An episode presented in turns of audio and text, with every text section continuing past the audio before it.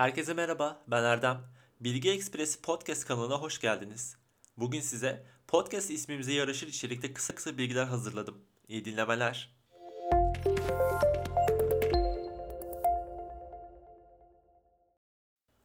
İlk bilgimiz 1974 yılından geliyor.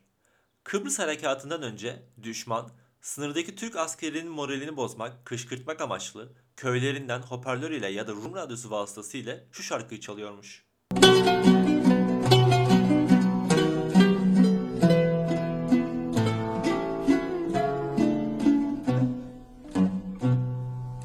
Bekledim de gelmedin Sevdiğime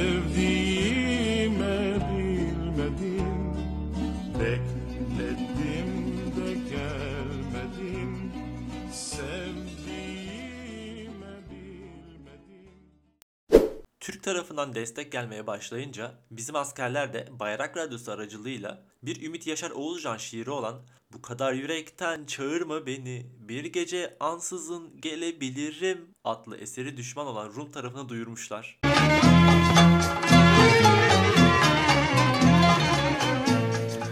Bu kadar yürekten çağırma beni Bir gece ansızın gelebilir Bu kadar yürekten çağırma beni Bir gece ansızın gelebilir Beni bekliyorsan uyumamışsan Sevinçten kapında ölebilirim Nereden baksan kral hareket.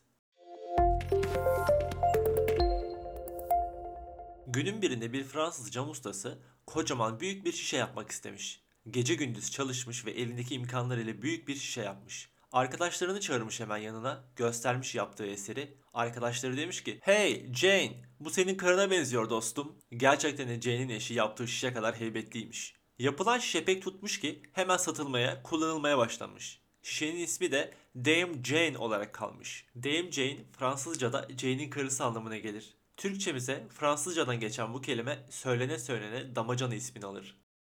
Biraz onur kırıcı değil mi sizce de?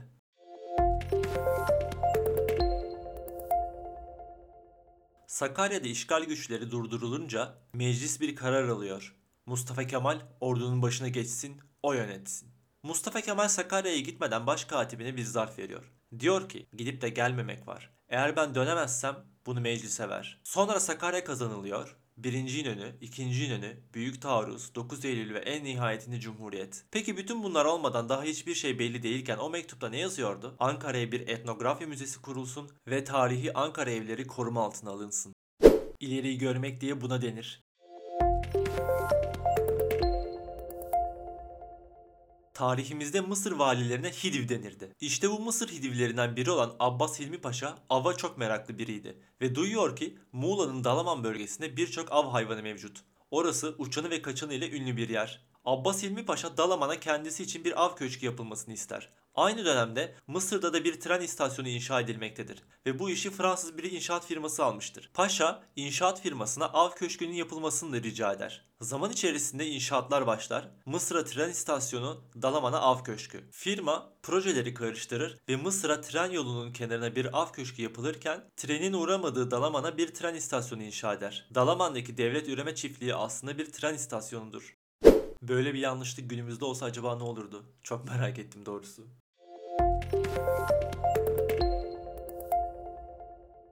Besim Ömer Paşa ülkemizde çağdaş doğum biliminin öncülerinden ve ilk kadın doğum kliniğinin kurucusudur. Ömer Paşa İstanbul'dan bilet alır. Tren ile Paris'e gelecek, oradan Normandiya kıyısına ulaşacak ve Manş denizini geçip İngiltere'ye gidecek. Oradan da gemiyle Amerika'ya seyahat edecek. Ömer Paşa tren ile Paris'e gelir. Paris'ten karayolu ile Normandiya kıyısına da ulaşır. Fransız vapuruna biner iskeleden. Manş denizine ilerlerken karşılarına sis çıkar ve kaptan geri dönmek zorunda kalır. Çok üzülür paşa. Kaçırdığı gemi Titanik'tir ve gemiye bilet alıp onu kaçıran tek yolcu Besim Ömer Paşa'dır. Besim Ömer Paşa acaba sonra neler hissetti?